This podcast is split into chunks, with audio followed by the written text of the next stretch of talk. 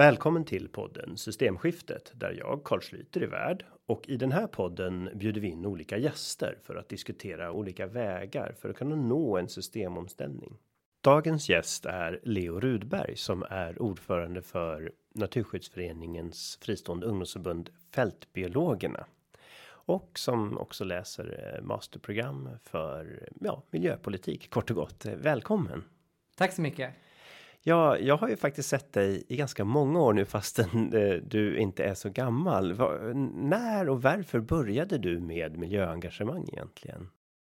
Ja, men det hela började med att jag såg Al Gores film An Inconvenient Truth när den kom tillsammans med min pappa.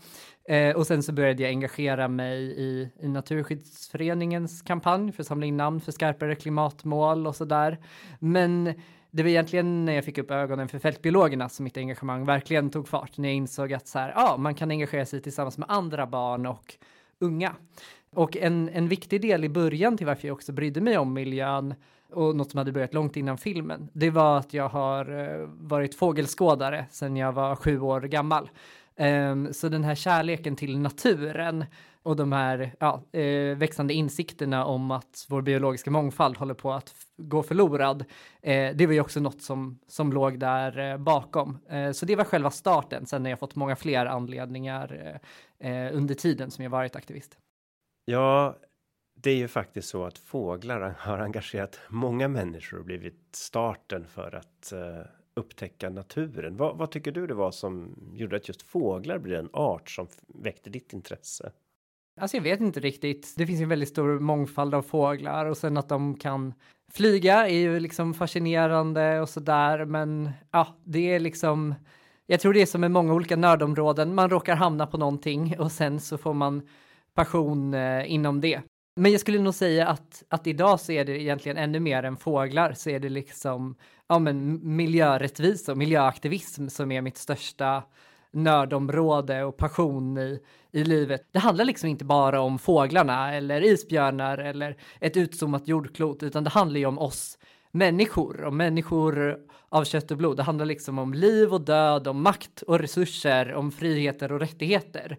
Och det är just de här kopplingarna mellan klimatkrisen och artdöden å ena sidan och mellan mänskliga rättigheter och förtryck å andra sidan som eh, gör att jag verkligen brinner för miljörättvisa idag, att liksom oavsett om vi brinner för flyktingars mänskliga rättigheter, oavsett om vi brinner för feminismen, oavsett om vi brinner för att stoppa rasismen och kolonialismen, så för att lösa alla de här samhällsproblemen så måste vi rädda klimatet och den biologiska mångfalden, för de här kriserna förstärker och förvärrar alla andra olika typer av förtryck eh, i världen.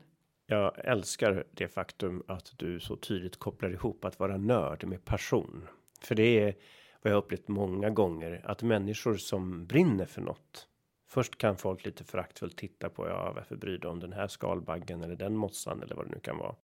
Men efter ett tag så ser man ju att den här mossan, skalbaggen eller fågeln finns i ett större sammanhang, ett system, ett ekosystem som i sin tur påverkas av ekonomiska system och politiska system mm. och, och alla de här strukturerna du tar upp. Och förvånansvärt ofta om man brinner passionerat för någonting så landar man ju i slutsatsen att saker hänger ihop som du beskrev. Och då när man har sett det om man har den här personen i sig så finns det ju många olika sätt att engagera sig. Och för dig blev det ju fältbiologerna vad händer om man är ja, man kanske 14 15 och så kommer man och är nyfiken på fältbiologerna? Vad händer då? Men då kanske man går på sin första aktivitet. Det kan vara en eh, fjällvandring. Det kan vara en fågelutflykt. Det kan vara eh, miljöaktivistkurs som vi ska ha nu i höst under höstlovet, öppet för alla. Det kan vara en demonstration utanför ett klimattoppmöte. Och, och det som händer då skulle jag säga är att man liksom märker att man inte är ensam. Oavsett om man hittar till fältbiologerna genom liksom naturnörderiet, genom de där skalbaggarna eller fåglarna, eller om man hittar till fältbiologerna genom sitt brinnande miljöengagemang så märker man att jag är inte ensam om det här.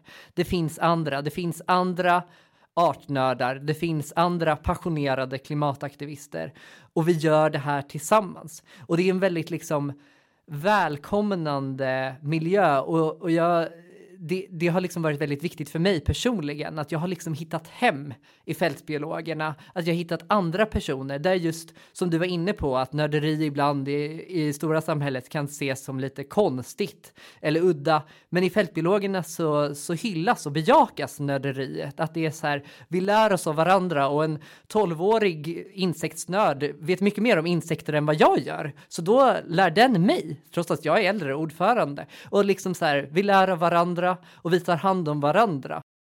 Om man då tittar på syftet, varför engagera sig? Vad är det som gör att det känns meningsfullt tycker du? Att vi faktiskt kan förändra.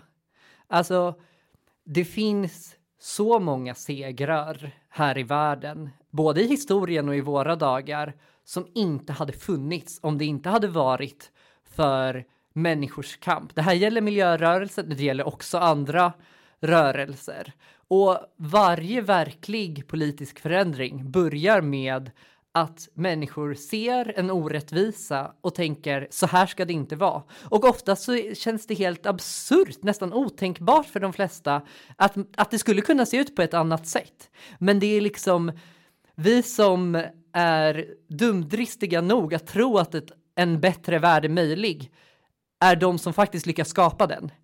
Och det finns många exempel på det här genom historien. Idén att kvinnor skulle få rösträtt verkade absurd. Efter ett par årtionden av kamp så var det självklart. Idén att eh, föräldrar inte ska få slå sina barn eh, verkade löjlig och paternalistisk. Idag så är det helt självklart att vi inte slår våra barn i Sverige, där barnrättskampen har kommit ganska långt. I många andra länder finns det mycket kvar att göra såklart. Alltså, det går faktiskt att förändra världen, men det kräver att människor, helt vanliga människor som du och jag, tror att det är möjligt och jobbar tillsammans för att åstadkomma det. Och det är det som gör att jag tycker att kampen känns så meningsfull. Det tycker jag många kan behöva höra för när man talar om att reformera banksystemet till att inte vara en gigantisk skuldbubbla som är instabil och skapar extrema behov av tillväxt och miljöförstöring och klyftor. Då säger folk ja, men det går inte. Allt annat är otänkbart. Det finns bara det här och när man tror att någonting är möjligt så så är det förvånansvärt lätt eh, att få det gjort. Förra säsongen hade jag ett avsnitt med Göran Greider som just talade om hur hur snabbt saker kan förändras när folk faktiskt engagerar sig. Mm. Eh, när jag var i parlamentet så på tryckeriet där så hade de en liten poster på väggen där det stod. Det svåra gör vi omedelbart. Det omöjliga tar lite längre tid och mirakel tar en vecka. Eh, och den attityden då, det var ju förstås skämtsamt, men det är det som har hänt. Du tog några exempel. Jag kommer ihåg eh, hur kampen mot slaveriet i England. Det började med en väldigt liten grupp Eh, kvinnor som kämpade för allmän rösträtt. Men när man har tänkt den otänkbara tanken och när man tror att man har makten att påverka. Då börjar nästa steg. Då behöver man organisera sig och sprida sina idéer och har du några exempel på när du eller metoder på hur du tycker att det kan gå till? Ja, verkligen. Och för att anknyta till det du nämnde om slaveriet så, så har jag nyligen läst om något väldigt intressant, nämligen att eh, i kampen mot slaveriet, idag tänker man kanske framför allt på det amerikanska inbördeskriget, nord mot sydstaterna och så där. Men i själva verket var det här en bred folklig rörelse som kämpade, också ofta fredligt, och som, som la grunden för att nordstaterna överhuvudtaget skulle ta upp det som ett av syftena med, med inbördeskriget och faktiskt befria slavarna i samband med krigets slut. För det var inte givet på något sätt.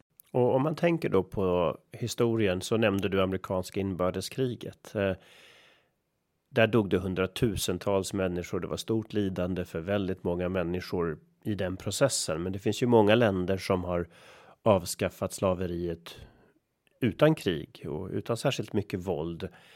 Eh, om man tittar på sådana exempel, eh, vad ser du där? När hamnar man i väpnad konflikt och vilka verktyg har man för att skapa förändring utan våld?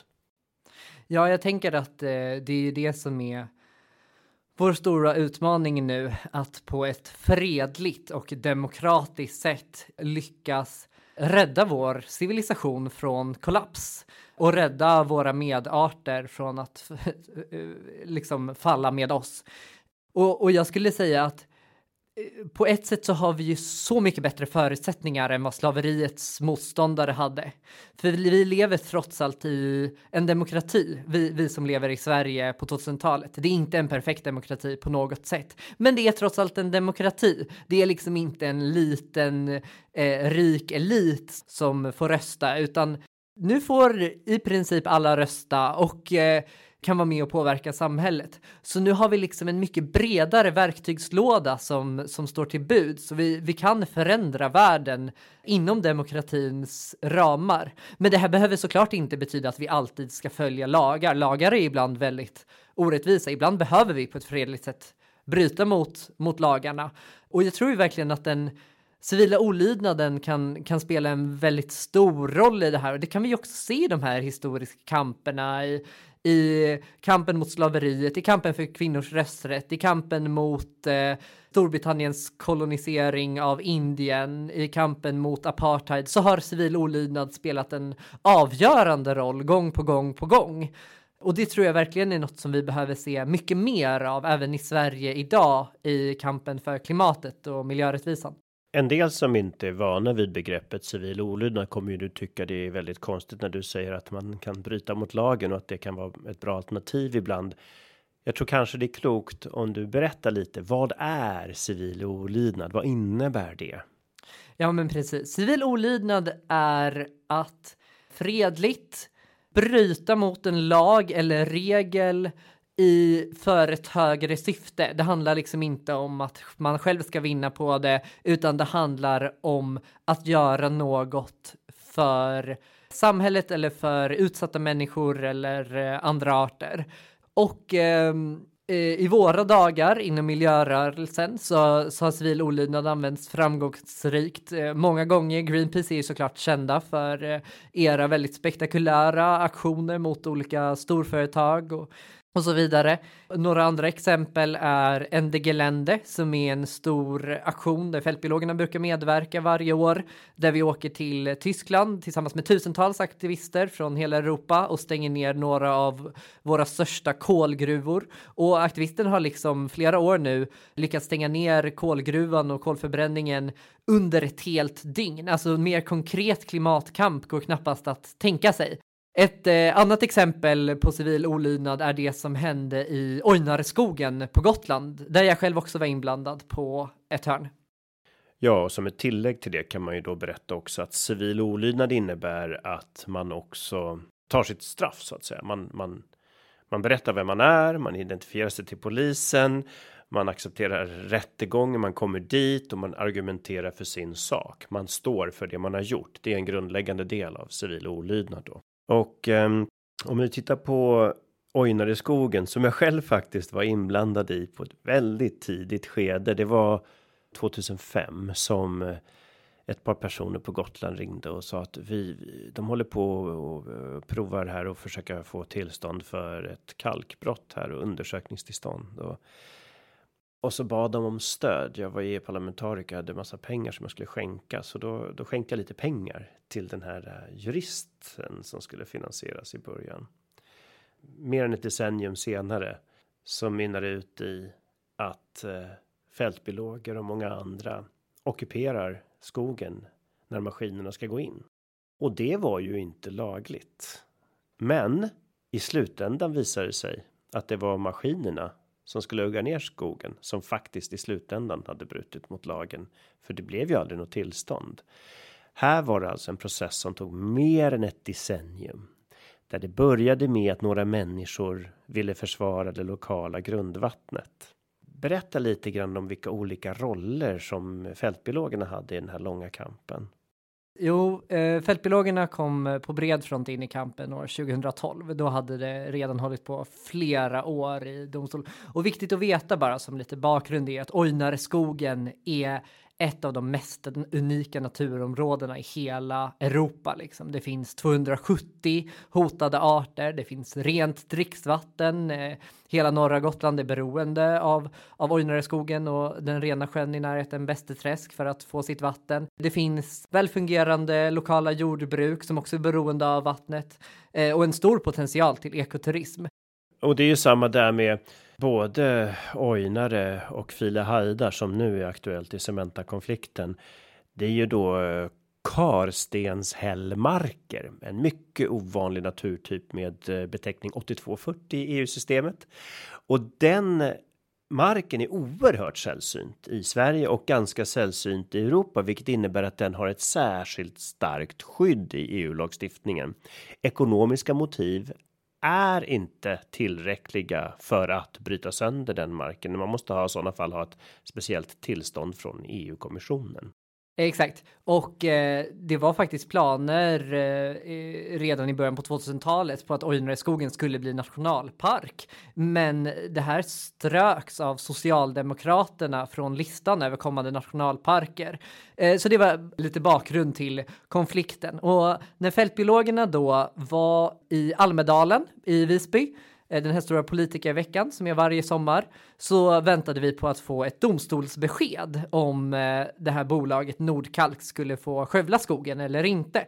Vi hade liksom ja, men förberett för att fira den här segern, för vi tänkte ju att självklart måste Ojnareskogen räddas. Till och med statens egna experter i Naturvårdsverket hade sagt att om eh, inte Ojnareskogen kan räddas, då är svenska miljölagarna, då fungerar inte de liksom. Och det är ett väldigt starkt uttalande för att komma från en statlig myndighet. Men så kom domslutet och det visade sig att Ojnareskogen skulle skövlas. Så det var nästan domedagskänsla. Jag vet att flera personer som länge kämpat för Ojnare i flera år höll på att ge upp för att det var så här. Nej, nu får maskinerna komma typ imorgon liksom.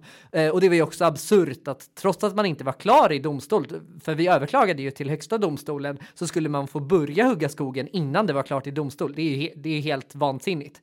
Eh, men hur som helst så var det liksom lite undergångskänsla där. Nu faller Ojnare.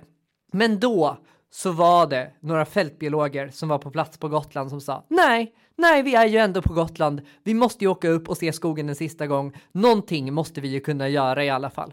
Så fältbiologerna åkte upp. Man hade med sig tält och kom fram till skogen. Och sen kom skogsmaskinerna dit som skulle börja avverka och då insåg fältbiologerna att här kan man ju helt enkelt sitta i vägen. Och så föddes ett gigantiskt protestläger. Och eh, man började ringa runt till människor och det kom massor av folk som eh, började engagera sig för skogen och man fick enormt stöd lokalt på Gotland för det här hade varit en väldigt infekterad fråga. Gotlänningar som var emot kalkbrottet vågade knappt säga det för att eh, det skulle ge jobb till Gotland och det är helt sant. Det skulle ge jobb till Gotland, men det skulle ge väldigt få jobb i väldigt få år och sen skulle kalken vara slut och jobben skulle vara slut och dricksvattnet skulle vara slut och naturen skulle vara slut och då skulle det inte finnas några mer hållbara jobb inom jordbruk och ekoturism och så vidare kvar.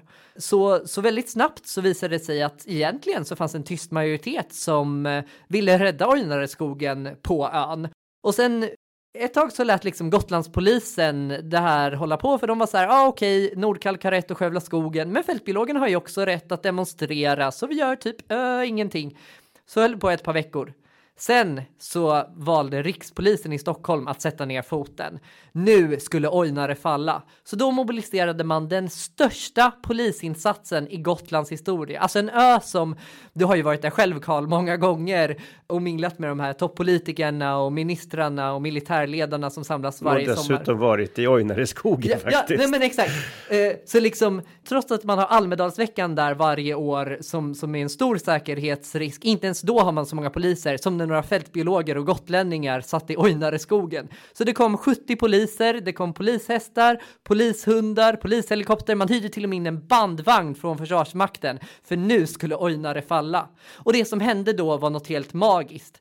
Att fältbiologerna satte sig i vägen, det hade vi gjort tidigare, men några av de första som satte sig i vägen, det var också några pensionärer som bodde i området som drivit föreningen Bevara Ojnareskogen Prydliga äldre människor som suttit och skrivit inlagor i domstol och som nu kände nej, det är nu det gäller. Nu sätter vi oss i vägen. De ska inte få förstöra vår mark och vårt vatten. Och den här folkliga uppslutningen och stöd från massa miljöorganisationer, Greenpeace kom också dit och kedjade fast sig ett tag, gjorde att vi lyckades fördröja avverkningarna så länge att man till slut beslutade att pausa det tills vidare och sen genom intensivt påtryckningar mot regeringen så till slut kom man fram till att Ojnareskogen skulle skyddas som Natura 2000 och nu har bolaget givit upp och nu ska det äntligen bli det det alltid tänkt vara, en nationalpark. Jag tror man lugnt kan säga så här. Att när polisen måste bära bort gamla damer med käpp. Då har den som orsakar att de bärs bort redan förlorat. Då har man misslyckats, så är det bara. Så det här visar att det finns så många olika sätt att engagera sig på och det visar också en annan sak att eh, civila fredliga metoder att förändra inklusive att sätta sig i vägen för en skogsmaskin som då i många fall inte är lagligt ens. Det kan vara väldigt effektivt. Det finns ju Albert Einstein Institute eh, som Gene Sharp startade och de har granskat det här med eh, icke-våldsmetoder och då har det visat sig att de är dubbelt så effektiva att skapa förändring som våldsbaserad påverkan. Och du har ju då pratat om civil olydnad, men det finns ju många andra sätt att engagera sig. Vad, vad tycker du mer du skulle vilja ge tips om som sätt att engagera sig?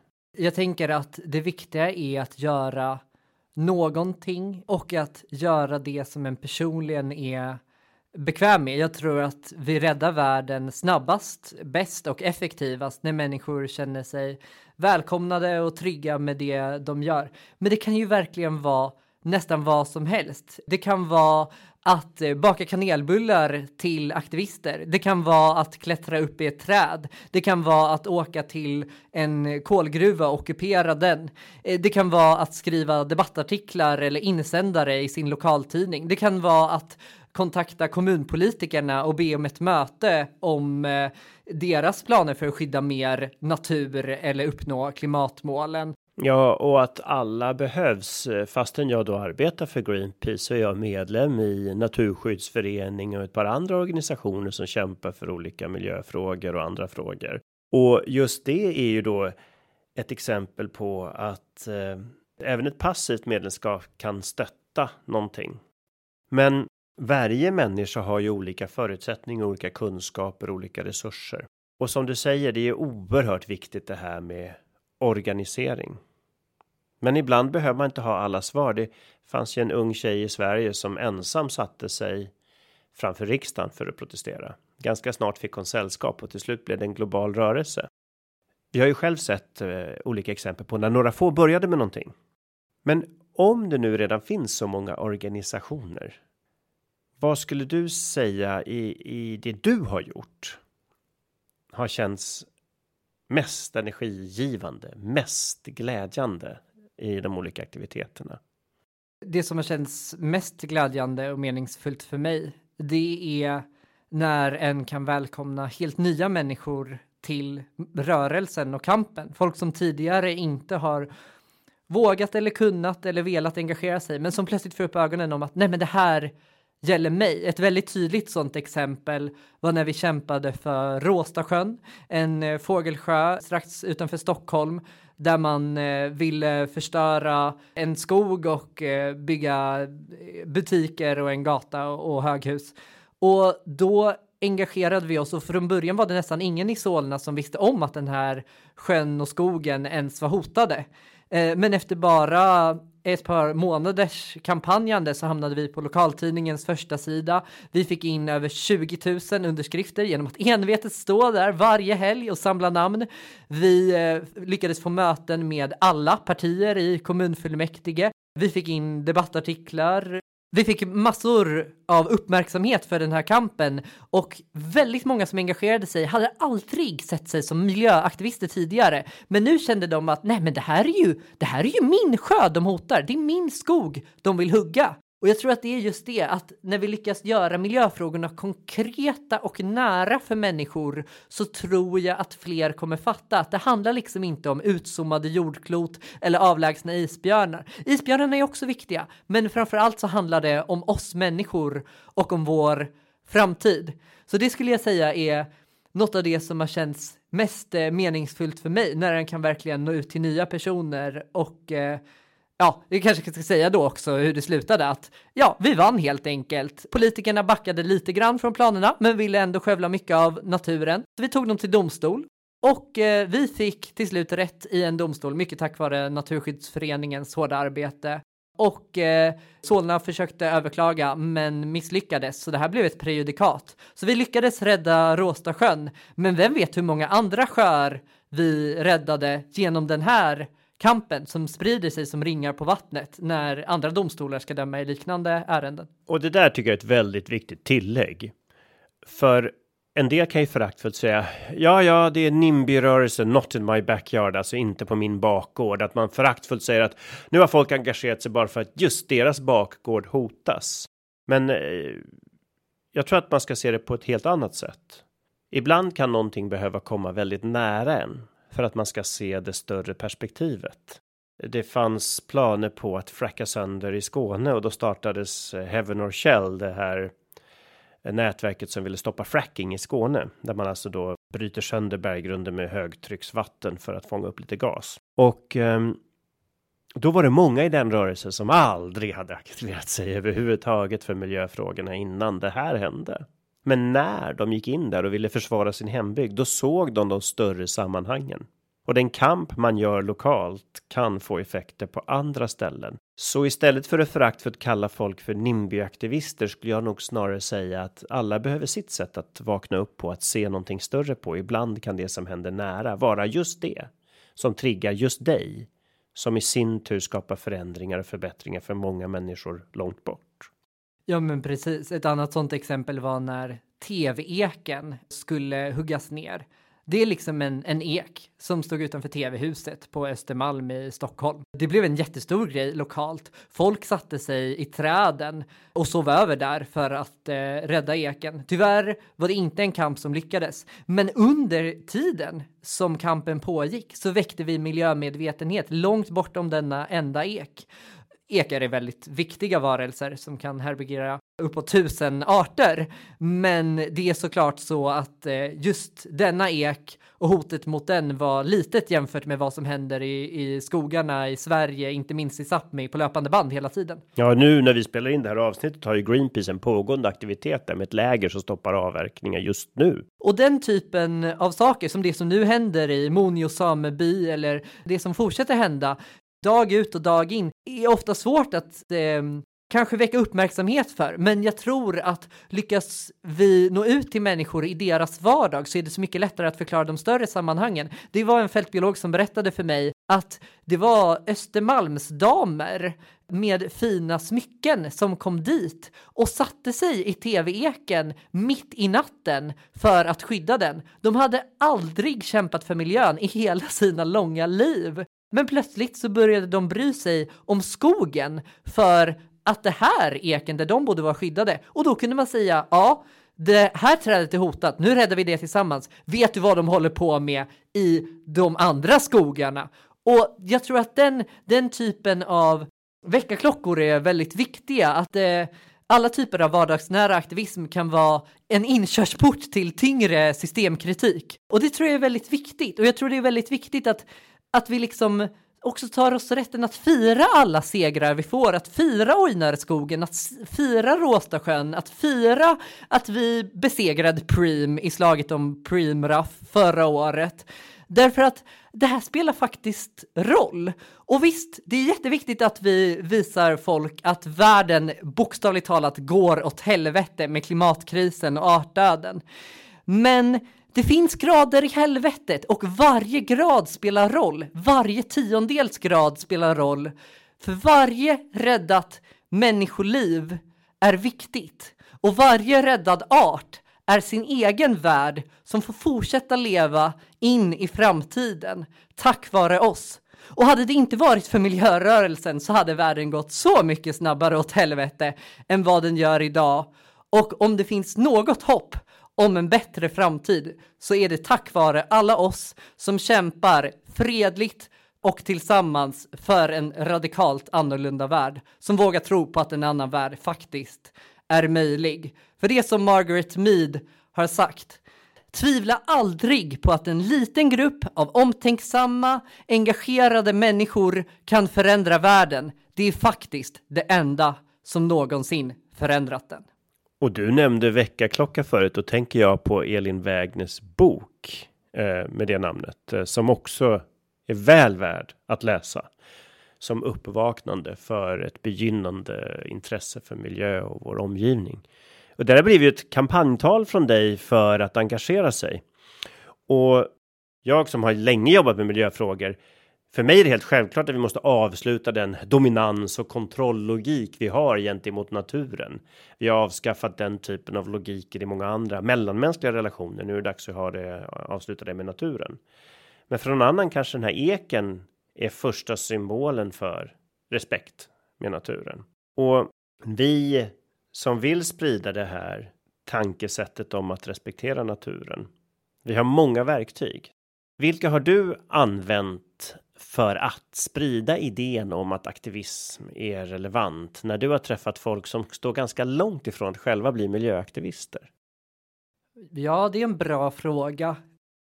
Jag tror att det jag försöker göra i det mötet är att hitta någon punkt där det blir tydligt för personen att miljöfrågorna handlar också om den. Bryr den sig om flyktingars rättigheter, ja, då bör den verkligen bekämpa klimatkrisen därför att eh, det kommer driva fler människor på flykt än något annat under våra livstider. Bryr den sig om att bekämpa fascismen, då bör en verkligen bry sig om miljöfrågorna.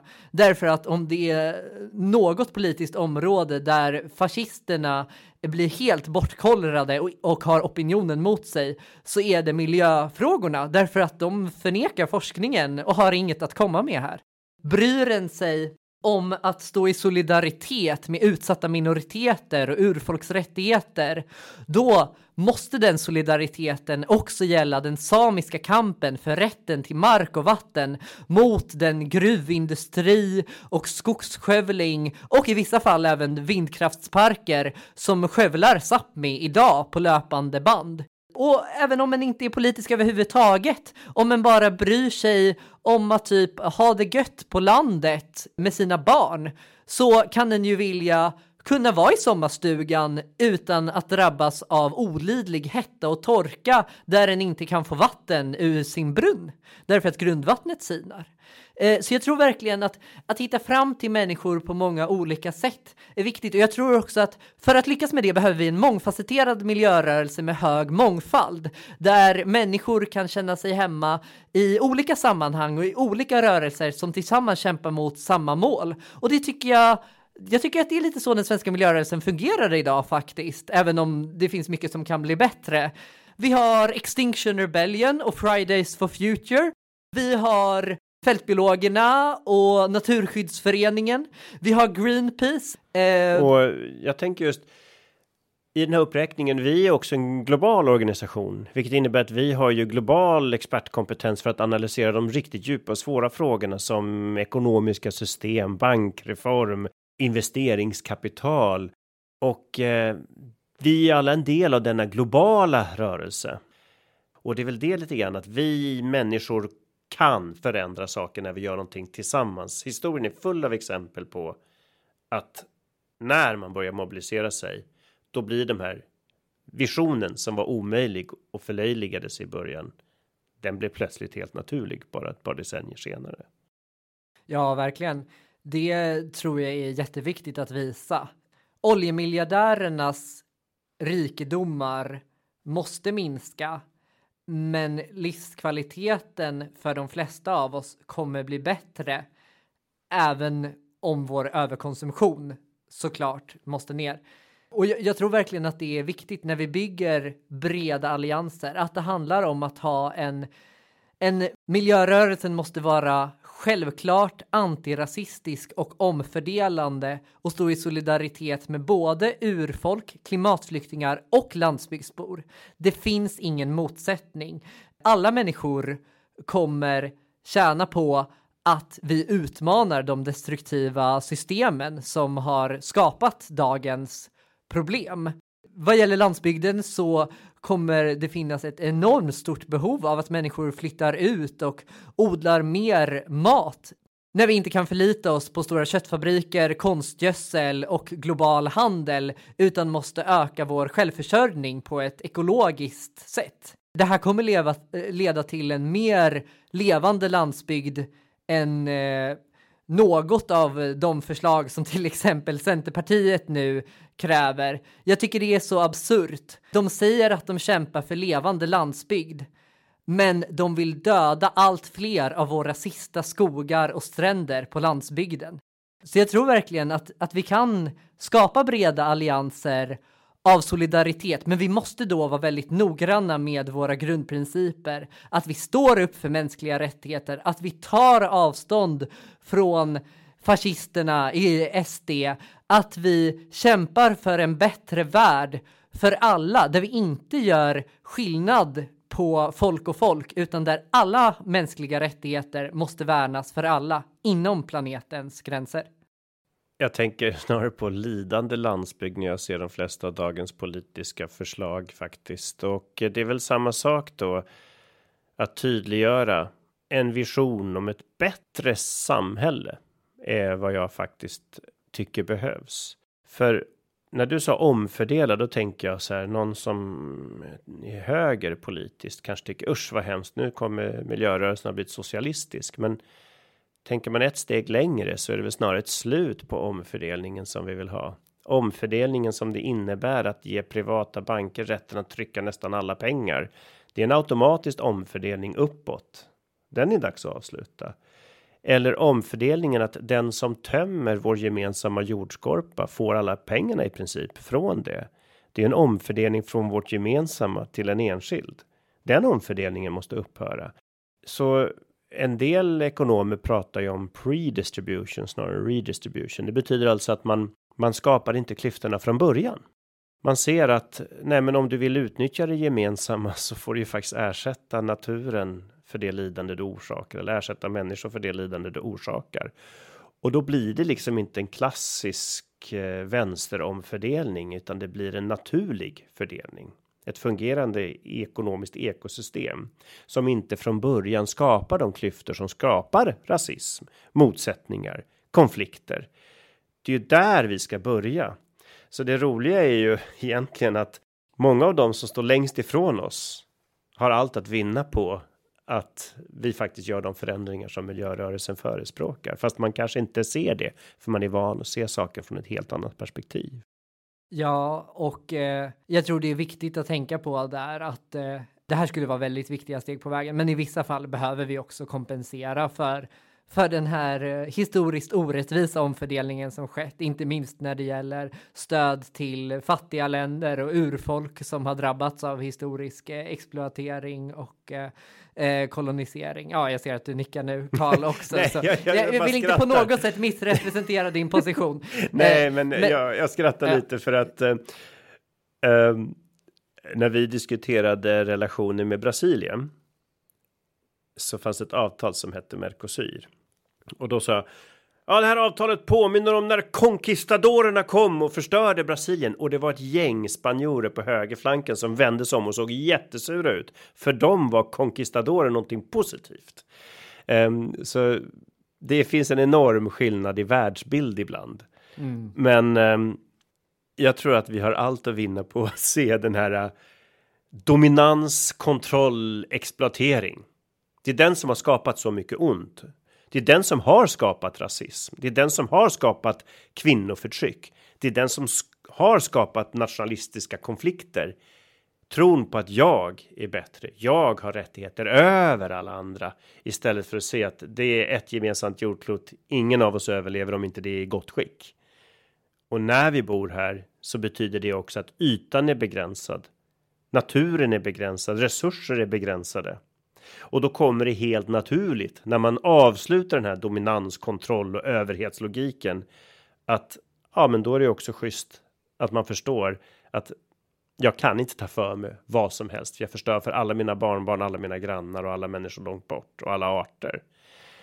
Mycket faller på plats och de här grundprinciperna du talar om, de här värderingarna som man måste ha, de faller naturligt på plats när man börjar se jorden som en gemensam organism, ett ekosystem där vi alla hänger ihop. Mycket faller på plats när man har den bilden. Ja, precis. Det handlar ju om att se att vi har ett enda jordklot att dela på och att vi måste lösa den fördelningen på ett rättvist sätt. Något av det som jag personligen är mest rädd för som kan göra mig mest skräckslagen inför framtiden.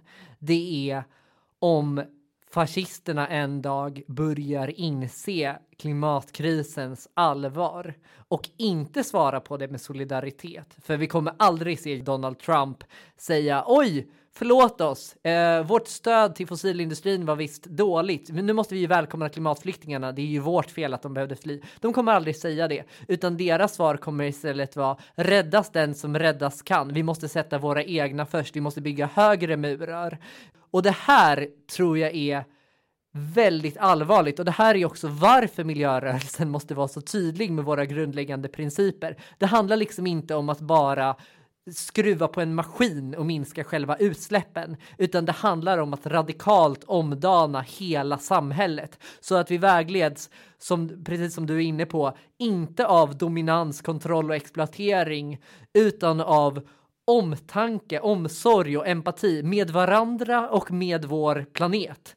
Och om, om vi lyckas med det, om miljörörelsen lyckas i vårt projekt, då kommer vi ha gjort något av det största, kanske det största i mänsklighetens historia. Och det är upp till oss att välja vilken väg vi ska gå tillsammans. Det där tycker jag var bra uttryckt också för att eh, det totalt avfärdar tanken på en grön Trump eller en klimatdiktatur. Det blir helt orimligt. Det finns inga fördelar med en sån logik. De förändringar vi behöver göra är så kraftiga att de kan bara göras med folkets vilja. Och det kan bara ske om människor är involverade, känner att man har makt, känner att man kan påverka och då kan man välja den vägen som gör att vi kan göra förändringar snabbt nog. Att en överhet ska dominera och kontrollera, inte ens en grön överhet kommer någonsin att kunna göra det på ett gott sätt, utan det tillhör det där felaktiga spåret. Och det tycker jag du gjorde väldigt tydligt här. Ja, nej men det handlar, det handlar ju verkligen om det här och, och det finns, det finns ju verkligen stöd i forskningen för det här också, att vi kan se när man väl har valt väg, när man har valt spår, då blir man liksom spårberoende. Då är det så svårt att ta, ta sig ur det. Det är ju mycket det, det som är problemet nu, att västländerna sedan 1700-talet har valt ett spår som baseras just på dominans och exploatering. Men det är nu som vi har ett nytt möjlighetsfönster att faktiskt förändra saker. Och då handlar det om att liksom pusha hela debatten och göra det som nu känns nästan otänkbart att förbjuda fossilindustrin, att förbjuda köttfabriker, att förbjuda kalhyggen och gruvor i värdefull natur. Eh, att sätta människors intressen framför storföretagens. Att göra det till inte bara tänkbart utan möjligt och självklart. Jag tror att om vi ska få folk att känna att det här miljöspåret är någonting som inte bara intellektuellt nödvändigt utan som personligen känns rätt. Då behöver vi också berätta om hur livet på andra sidan kan bli bättre. Och när jag har försökt titta på hur lyckades socialdemokratin skapa allmän rösträtt tillsammans med liberaler? Hur lyckades man ge allmän rösträtt? Hur lyckades man med sociala reformer? Hur lyckades man korta arbetstiden och det bygger ju mycket på att man hade en vision, en dröm om någonting som kan bli bättre. Och det är klart, en levande planet är bättre än en död. Men det räcker nog inte för att människor ska känna det djupa engagemanget. Jag tror vi också i miljörörelsen behöver berätta om att Visst, mycket av det vi har idag, det måste förändras. Mycket av det vi har, det måste skrotas. Mycket av den logik vi arbetar efter är otidsenlig. Men vad är alternativet? Och då sysselsätter jag mig ibland med tanken på hur skulle livet kunna se ut?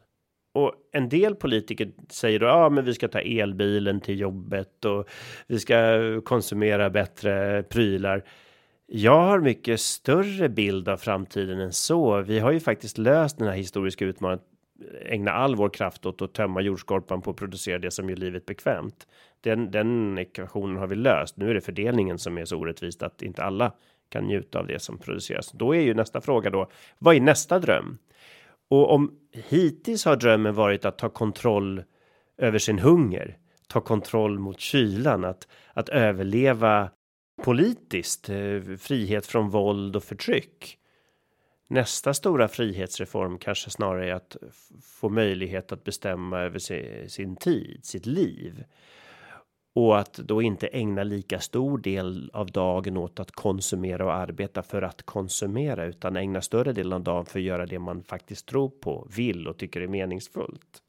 Och det i sin tur skulle ju minska utsläppen radikalt. Jag tror att den här typen av visioner är någonting som vi, folk måste känna för att visst, man vill undvika en klimatkatastrof, man vill undvika en artkris, men många kommer nog inte våga ta steget för man ser att livet faktiskt också kan bli bättre, inte bara att man förbjuder och stoppar det dåliga.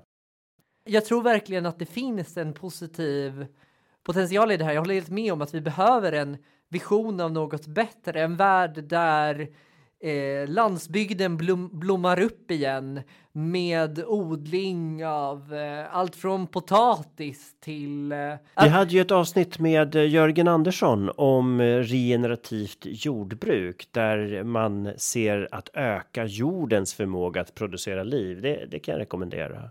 Ja, men precis. Och liksom att just ha de här optimistiska visionerna, såklart även för en levande stad där vi har gröna tak och stadsodlingar och kan ta oss till liksom utbildningen och det jobb som ändå behöver göras, vilket ju en del jobb kommer behöva göras även i framtiden med kortare arbetstid och så. Genom att gå eller cykla liksom i ett lugnare tempo eh, och utan massa avgaser och jag saknar också, jag tycker det försvinner allt fler gemensamma ytor som inte kostar pengar. Jag ser ett större behov av gemensamma ytor som du säger och lyckoforskningen visar ju väldigt tydligt att att umgås, att ha relationer, det är någonting som verkligen bygger upp eh, glädjen.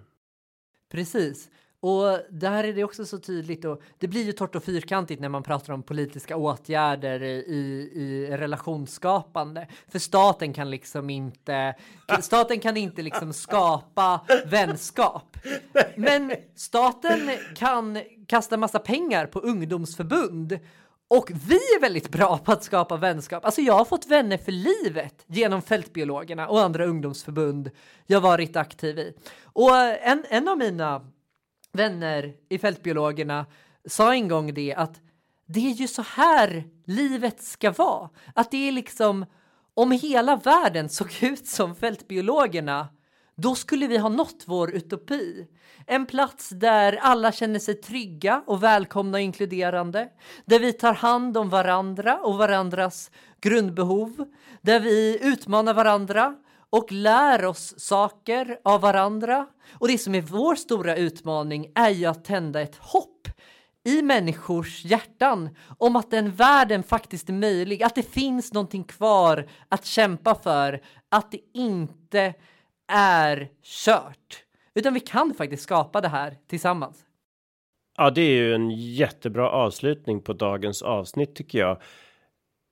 Och också just människans drivkraft har ju varit förändring för att åtgärda de problem man ser framför sig. Och om det var brist på mat, brist på husrum, brist på kläder eller annat som historiskt har varit utmaningarna. Så kan vi väl glädjas åt att de har vi löst.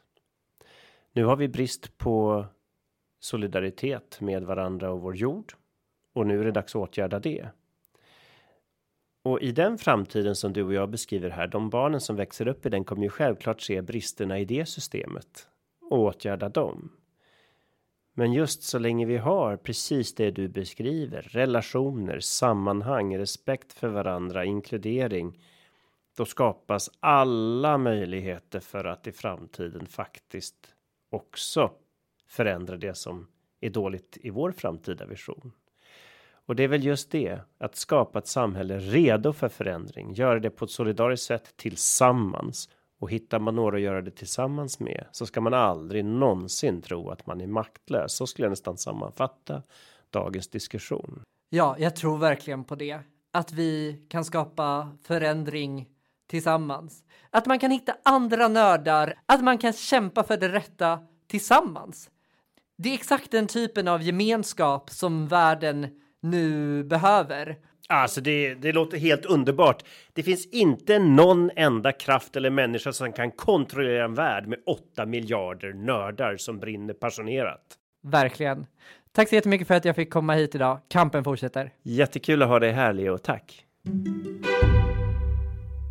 Tack för att ni lyssnade på dagens program som gjordes av Greenpeace där producent är Alexia Fredén, ljudtekniker är Christian Åslund och värd är jag, Carl Schlüter.